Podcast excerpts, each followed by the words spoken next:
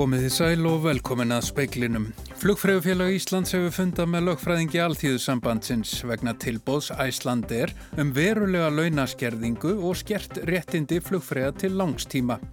Þórólfur Guðnarsson sóttvarnalæknir leggur til við heilbreyðisráð þegar að áfram gildi það að allir sem koma hinga til land sama hvaðan fari tveggja veikna sótkví.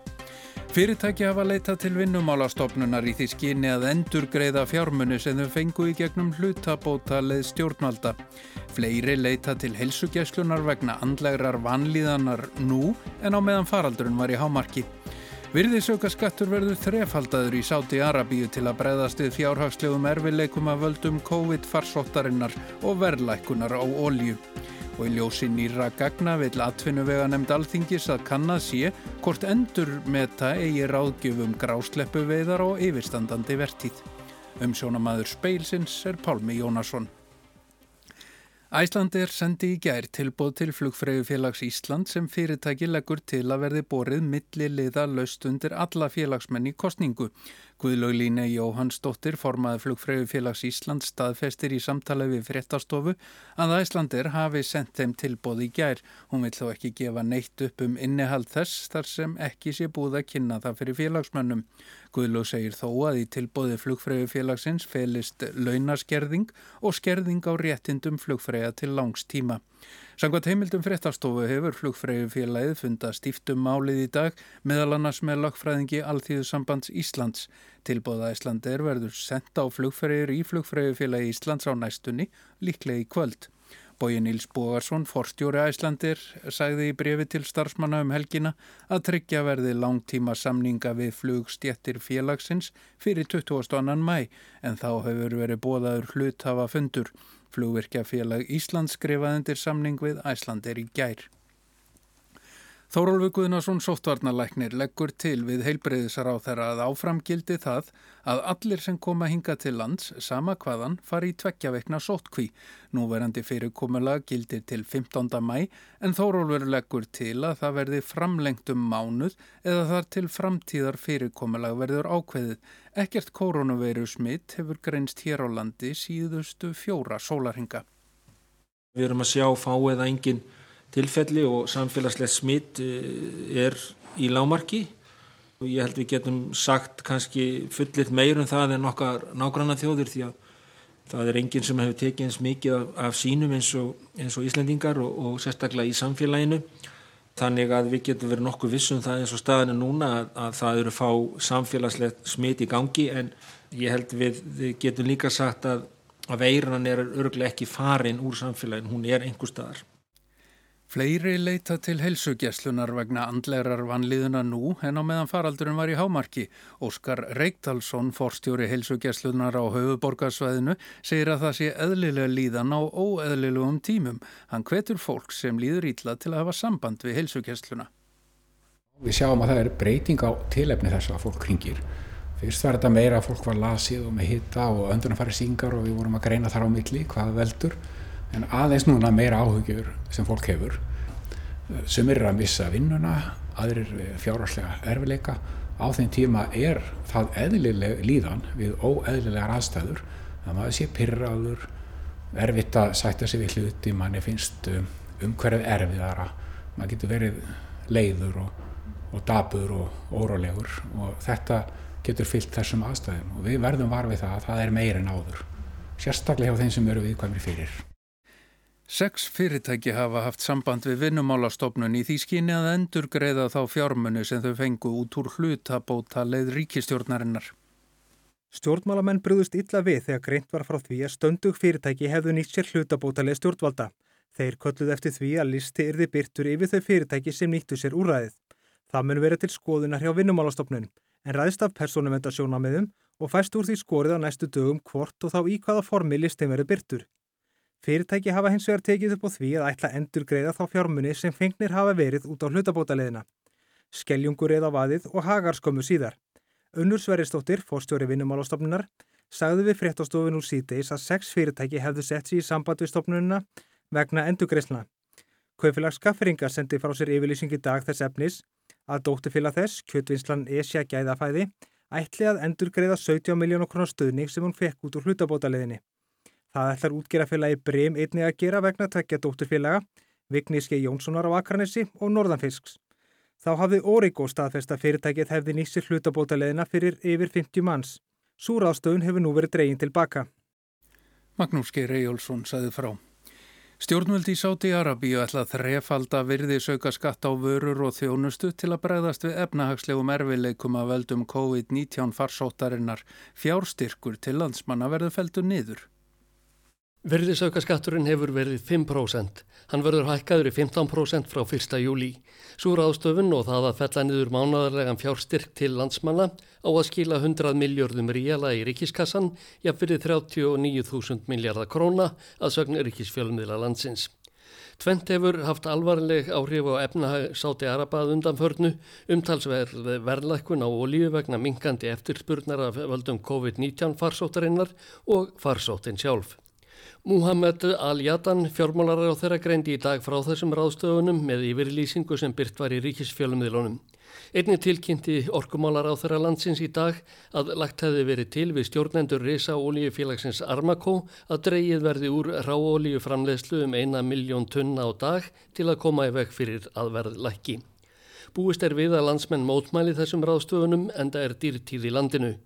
Nær væri að fresta rándýrum fjárfestingum svo sem að kaupa enska knaspirnuliðið Newcastle United. Áskir Tómasson sæði frá. Formaður atvinnuvega nefndar alþingi segir að í ljósi nýra gagna sem nefndin hefur aflað verði að meta hvort endur skoða þurfi ráðgjöð um grásleppu veiðar á vertíðinni. Veiðarna voru stöðvaða nær fyrir vara löstum mánaðmátinn. Ákvörðun sjáurótisráðara um stöðun gráslöpu veiða 30. apríl hefur verið harlega gaggrind og um leið dreygin í Eva ráðgjöf Hafrannsóknarstofnunar um veiðarnar. Atvinnuvegar nefnd alþingis hefur fjallað um þetta undanfarið og Lilja Rafni Magnúsdóttir formaða nefndarinnar segir að þar hafi komið fram upplýsingar sem verði að skoða betur. Nýðurstaða okkar í atvinnuvegar nefnd eftir umfjöllunum málið og að fengnum gögnum og, og fjölda gesta sem fengur fyrir nefndina er að það sé að komi fram með þannig köp að Hafrarssonarstofnun og sjáurútustráðra að þeim sé skilt að rýna þessi gögn verð og skoða í ljósi þeirra hvort ekki sé ástæði til að endur með þetta ráðgjöf um ráðgjelsaviði Um helgina byrtist á vef Hafrannsóknarstofnunar grein þar sem veiðir áðgjöf hrókjelsa er útskýrð og jáfnframt ítrekkað að ekki sé talin ástæði til að breyta ráðgjöfunni á yfirstandandi vertíð. Einni skrifaði Kristján Þór Júliusson sjáurötusráð þeirra grein í morgumbladið þar sem hann saðist fylgja vísindalegri ráðgjöf Hafrannsóknarstofnunar. Lilja segir að öllu gögn sem atvinnuvega nefnd hafi tekið saman hafi verið sendt sjáurötusráð þeirra í dag og afrið á Hafrannsóknarstofnun. Þegar að viðkomandi skrifaði þessa grein eða fjöldið um það á heimasíðu Hafránssonarstofnunar. Það er bara fullt tilefni til að skoða þetta. Þetta var Lilja Rafni. Magnúsdóttir Ágúst Ólásson talaði við hana. Búrkvalur sem hafi rekið á land fannst á fymtudag í Kálfhamarsvík á Skaga á Norðurlandi vestra. Þetta er annar búrkvalurinn sem finnst í landslutanum á árinu og fórstöðum að Náttúrustofur Norðvesturland segir að það sé aðtiklisvert að tvö stórkveli rekið þar á land á stuttum tíma og það þurfa að rannsaka. Búrkvalurinn í Kálfhamarsvík er um 13,6 metra langur tarfur. Þegar hann fannst virtist vera rúm vika síðan hann drafst. Í mars fannst búrkvalstarfur ekki langt þarna frá eða við ósa árinar blöndu. Bjarni Jónsson, forstöðum að náttúrustofu Norðvesturlands, segir að líklega séu þetta ungir tarfar og að ekki sé ljóst hvað hafi orðið þeim að aldur tila. Ég held að það fyrir að velta þessu beti fyrir sig. Það hefur verið meira smákvæðlega sem hafa verið að veka og unni mikið núna síðustu með sérinn og ekki síst hér þessu svæði, nýðingar meðal ekki sýst, en hann er konið búrkvalur og, og þetta er eitthvað saman þarnast. Það var frekar í skýringa. Eitt er að það sé meira af þessu dýrum heldur en var, en það getur til að falla margt fleira komið til líka. Tilstóð að sigla með búrkvalin við ósablöndu í mars aftur og sjó út, en brímið hafði hrifiðan með sér áður en til þess kom. En þessi kálsamansvíkinni já, það er einhvern ómöld að ná hann upp eða, eða grafa hann á þessu staði. Þetta er mjög vinsall náttúrulega útvista fólks og svo aðgrunn nokkuð þannig hann er ekki að fara að fara sjálfur sér og ekki hann að gera hann að draga hann út og sakka honum. Sagði Bjarni Jónsson Dagni Hölda Erlendstóttir tók saman.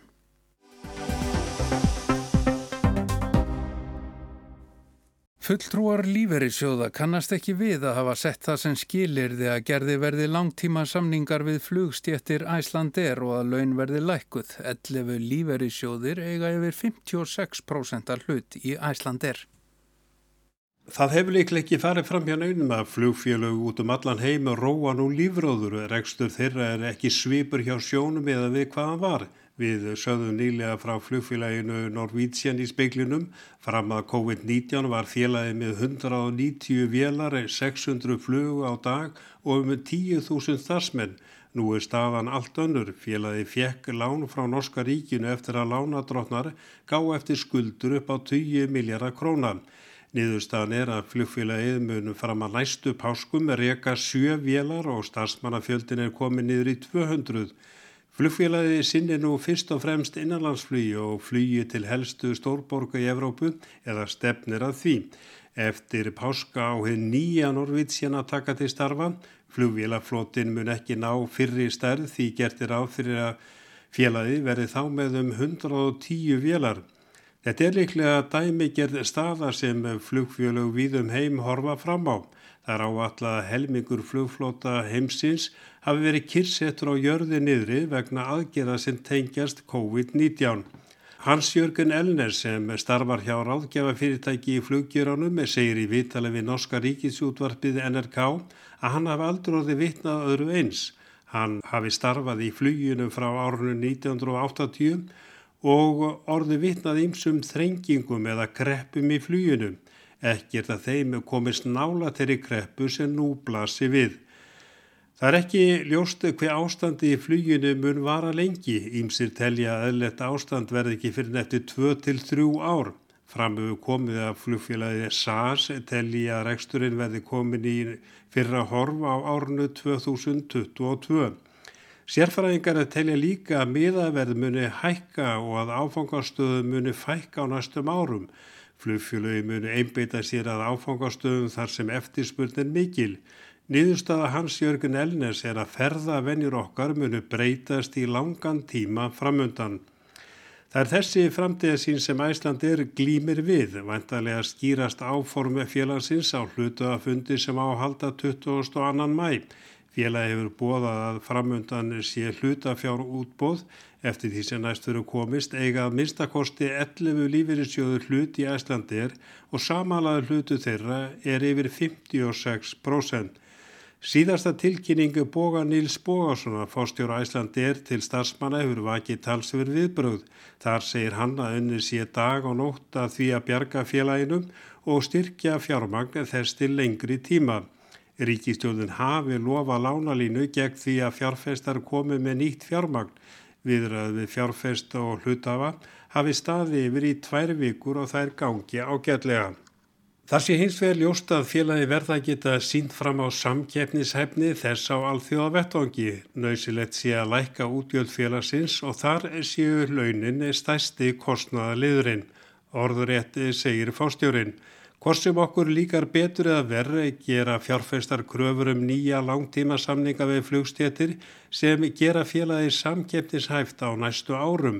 Það góða í stöðun er að hægt er að gera breytingar á samningum og auka þar með samkeppnishæfni og á sama tíma tryggja góðu starfskjör og eftirsótt starfsungverfi til vitnu líkurum. Hann segir í brefinu að gera þurfu talsverðar breytingar á viðkomandi kjærasamningum þar sé nöysilegt til að endur fjármagna fyrirtækið. Tíminn sé takmarkar því tekjubresturinn sé næstum algjör. Fyrir hlutafundin 22. mæ verði að líka fyrir undirritar og samþýttir nýjir kjærasamningar. Ef endur fjármögnunin takist ekki á tilsettum tíma verði framaldi ekki lengur í höndum félagsins. Flugverkjar hjá félaginu hafa brúðist við og ger samning til fimm ára. Flugmenn hafa líka bóða þessu tilbúin að lækka launin. Hins verð hafa flugfröjur sagt þvert nei. Launalækun kom ekki til greina. Ímsir hafa brúðist harkarlega við kröfu æslanderum að flugstjettinnar samþykji launalækun. Ragnar Þór Ingólfsson formar vaffer segist fyrir orðin þreyttur á því að alltaf skuli starfsfólki vera aðal vandamálið þegar illa gengur þegar annað sé augljóst og þar á að við að stjórnendur hafi haldið illa málum í reksturinnum. Hann segir ég veit til dæmis að nokkur stjórnarmenn lífeyrissjóða hafa veldi fyrir sér hvort ekki þurfi að setja þar sem skilir því að stjórn og stjórnendum verði skipt út ef skoðaði þáttöku í hlutafjórútbóði, segir Ragnar Þór. Drífa Snædal fórsvitaði sí segir að kröfur félagsins um launahekkanir séu ósvipnar. Þetta sé ögur stund í kjarabaróttu á kreppu tímum Nú gildi að standa fast gegn því að launafólk taki á sig kjararítnun umfrað þar sem orði er vegna uppsagna og minni vinnum. Ég geri þá skílusu kröfu að björgun fyrirtækja hvort sem er í gegnum lífeyrinsjóði eða okkar sameilega ríkisjóð verði ekki framkvæmt með því að skerða laun eða minga réttindi. ASI hefur staðið þétt við baki á flugfröðum og mun gera það áfram, segir Drífa Snædal. Í brefi fórstjóra Æslandir til starfsmanna kemur fram að það sé krafa fjárfesta að launverði lækuð og samningar gerði til langs tíma. Í vitölu speilsins við nokkra stjórnarmenn í lífeyrinsjóðun sem eigi Æslandir kemur fram að þeir kannast ekki við þessa kröfu. Hún sé ekki lög fram af hálfu sjóðana. Staðafélagsins hafi verið kynnt á fundi með Kvíkubanka og stjórnöndum Æslandir Þar hafi komið fram að nöðsilegt væri að endur skoða og ganga frá kjærasamningum en ekki að krafa værum stórfældar launalækanir. Arnar Páll Haugsson sæði frá.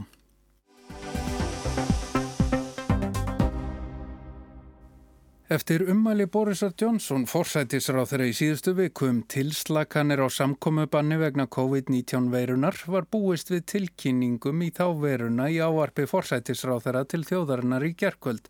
Það er þó fátt nýtt í uppsiklingu, skilabóðin heldur óskýr en eitt er þó nýtt ný slagord gegn veirunni. We must stay alert. We must continue to control the virus and save lives.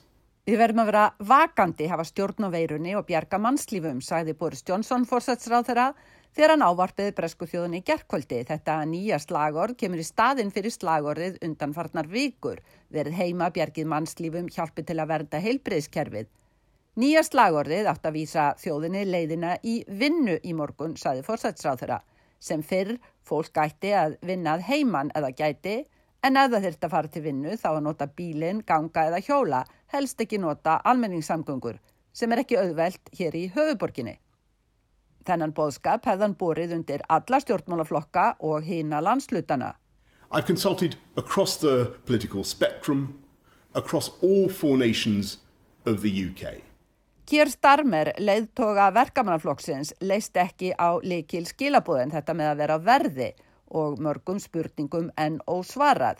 Í viðbót þá væri ekki lengur sömu viðmiðanir í Englandi og svo í Skotland og Wales. Landið því ekki lengur samstiga, saði Starmer. The basic message, stay alert, just isn't clear enough. Um, and the Prime Minister's statement raises as many questions as it answers.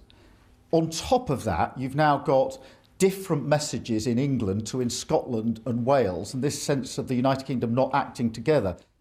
Þetta er í raun stórmál nú þegar skoskið þjóðaflokkurinn málar öll mál í skoskum sjálfstæðislitum. Nikola Sturgeon, fyrstir ráð þeirra Skotland, sagði strax í gær þegar frettist af nýja slagordinu að það hefði ekki verið borið undir skoskustjórnina og myndi ekki gilda þar. Ítrekkaði svo í morgun að í Skotlandi gildi en þetta að halda sig heima, ekki á politískum ástæðum, heldur einfallega að skoska stjórnin telti breytingar og tímabærar. That is not, uh, let me stress, for any political reason.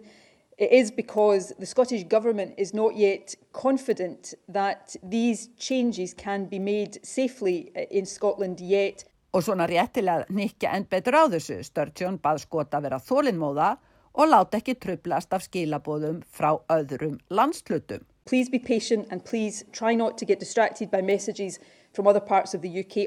Varðla hægt að undistrykka skýrar hver réði í Skotlandi. Rugglingsleg skilaboð hafa verið helsta fréttaefni dagsins. Dominik Raab, utaríkisráð þeirra skjöplaðist á hversu margir mættu hittast þegar hann satt fyrir svörum í morgun fréttaþætti Breska ríkisútvarpsins. Það hefur gilt að maður mætti aðeins hitta einn sem að býr ekki með. Er það þá enn þannig má ekki hitta báða fóreldra í einu, spurði fréttakonan. You cannot meet two parents at the same time. Well, you could if there's two meters apart. Jú, sagði ráðherran, ef fólk hefur tvo metra á milli sín. En nei, þetta var rámt svar, ráðherran leðréttur. Eftir sem áður má aðeins hitta einn. En nú má vera úti eins lengi og vill líka spila golf og korfubólta breytingar frá að með miðgudeinum.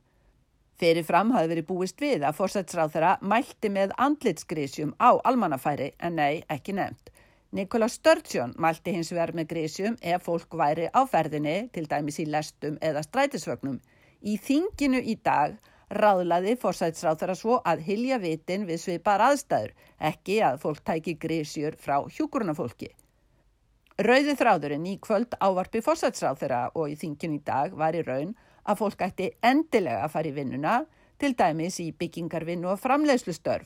Verkalýsreifingin er ósátt við að öryggi starfsmanna séð ótreykt og í þinginu í dag fundu þingmenn stjórnaranstöðunar nóg að setja tennutnar í, ekki síst nýja slagorðið. Þá um framtíðina í þremur skrefum er stemt á að fleiri búðir opni í júni og einstakir árgangar fara þá í skóla. Í júli hugsanlega allir nefendur, skólaárinu líkur í júlilog. Mögulega geta veitingastæðir, hargræsistofur, kvingtahús og aðrir ofinberi staðir opnað í júli. Forsætsráð þeirra viðræði líka tveggja vikna sóttkví fyrir þá sem koma til landsins sem skýtur skokku við þegar Ímis lönd eru einmitt að slaka á sínum ferðahamlum. Engin dagsetning tiltekinn og Írar og frakkar verða undanþegnir. Ef einhverjir eru en óklárir á fyrirmælum bresku stjórnarnar, má hlusta á Matt Lucas, grínleikarn úr sjónvastáttunum um litla England, herma eftir fórsatsáðra. Ekki fari vinnuna, farði vinnuna, ekki nota almenningssamgöngur, farði vinnuna, ekki fari vinnuna, verði inni, ef þið getur unniða heiman, fari þá í vinnuna. Ekki fara í vinnuna, farðu út, ekki fara út. Og síðan munum við, eða ekki, kannski gera eitthvað. Don't take public transport, go to work, don't go to work, stay indoors, if you can work from home, go to work, don't go to work, go outside, don't go outside, and, uh, and then we will or won't, uh, something or other.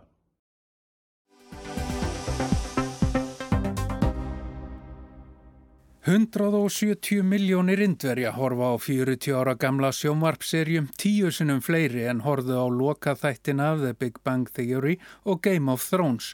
Útgöngu bann hefur verið í Indlandi í tvo mánuði og fátt sameinar þjóðina meira en eldgamalt og endur sínt trúarlegt sjómarpsefni.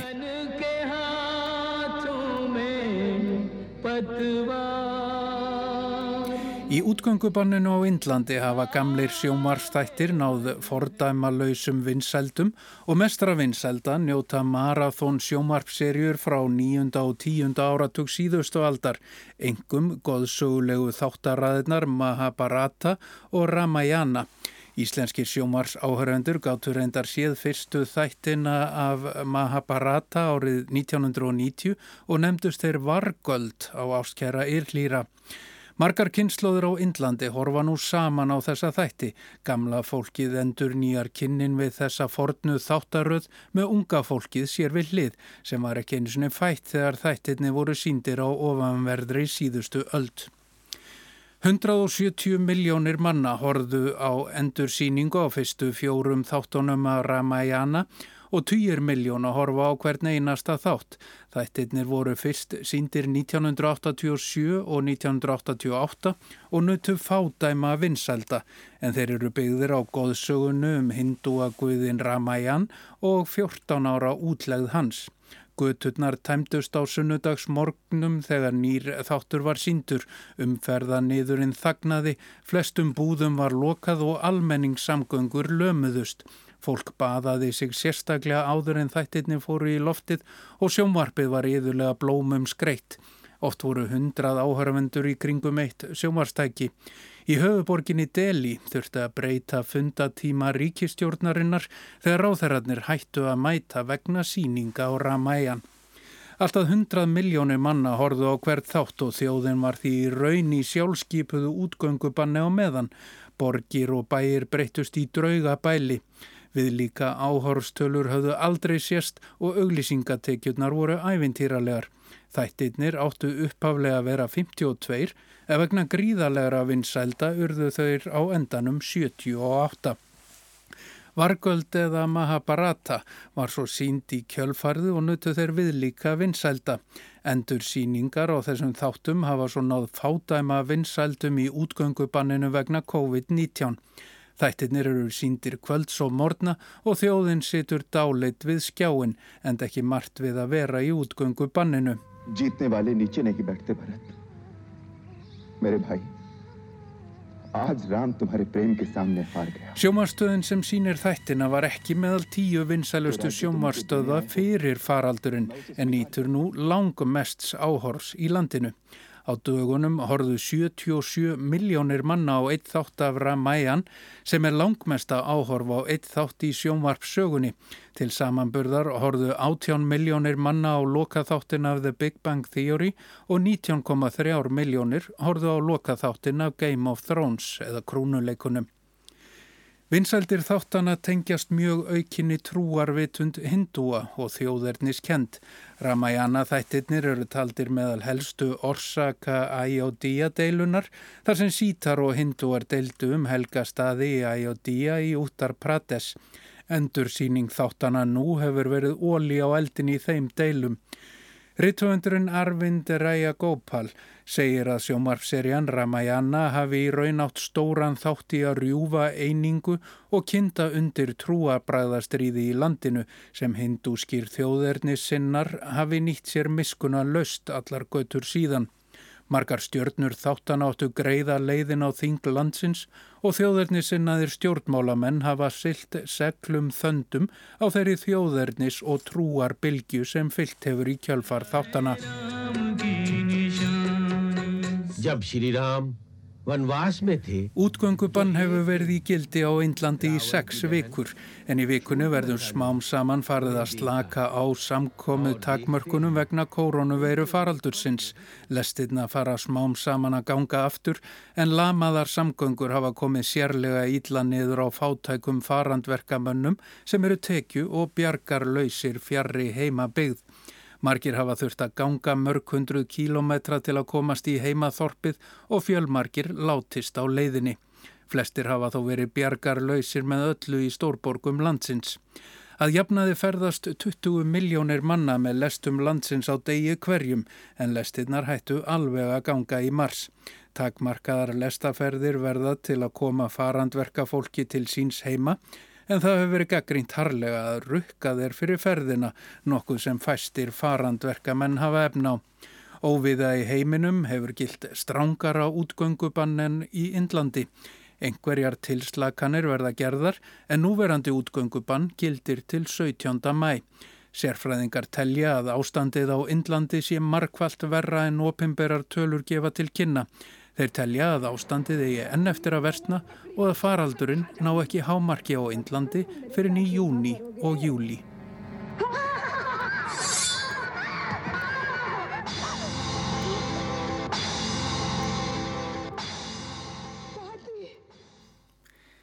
En í speiklinum var þetta helst. Flugfreyju félag Íslands hefur fundað með lögfræðingi alltíðusambandsins vegna tilbóðs Æslandir um verulega launaskerðingu og skert réttindi flugfreyja til langs tíma. Þórólur Guðnarsson, sóttvarnarleiknir, leggur til við heilbriðis ráþera að áfram gildi það að allir sem koma hinga til land sama hvaðan fari í tveggja veikna sótkví. Fyrirtæki hafa leitað til vinnumála stopnunar í því skyni að endur greiða fjármunni sem þau fengu í gegnum hlutabóta leið stjórnvalda. Fleiri leita til heilsugjæslunar vegna andlegrar vannlíðanar nú en á meðan faraldurinn var í hámarki. Virðisauka skattur verður þrefaldaður í Sáti Arabíu til að breyðast við fjárhagslegum erfileikum að völdum COVID-19 farsótarinnar og verðlækunar á olju.